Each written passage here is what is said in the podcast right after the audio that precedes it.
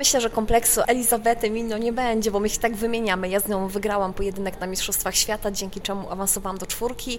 Teraz Elizabeta się okazała lepszą zawodniczką, ale też przez ostatnie trzy tygodnie, kiedy to mieliśmy e, Mistrzostwa Europy, to naprawdę strzela fenomenalnie, tam pobiła rekord świata i ten wynik jest no, obecnie naprawdę kosmiczny, więc cieszę się, że tak wysoko strzela, bo mogę ja również coś z tego jej strzelania dla siebie wyciągnąć. Też obserwowałam jej półfinały i, no i wydaje mi się, że jak Elizabeta potrafi tak wysoko strzelać, to ja również, więc jest to dla mnie naprawdę bardzo motywujące i ciągnie do góry. W Nowym Meście srebro, jeśli chodzi o konkurencję indywidualną, brąz w mikście.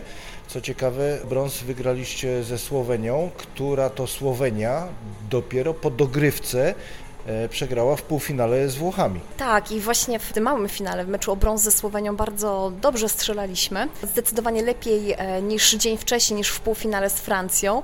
E, Słowenia z kolei, tak jakby ten swój dzień konia miała dzień wcześniej i naprawdę bardzo mocno gonili Włochów. Więc wydaje mi się, że ogólnie te pojedynki były takie wyrównane na, na różnych płaszczyznach i, i naprawdę bardzo dobrze się oglądało i bardzo dobrze się też strzelało.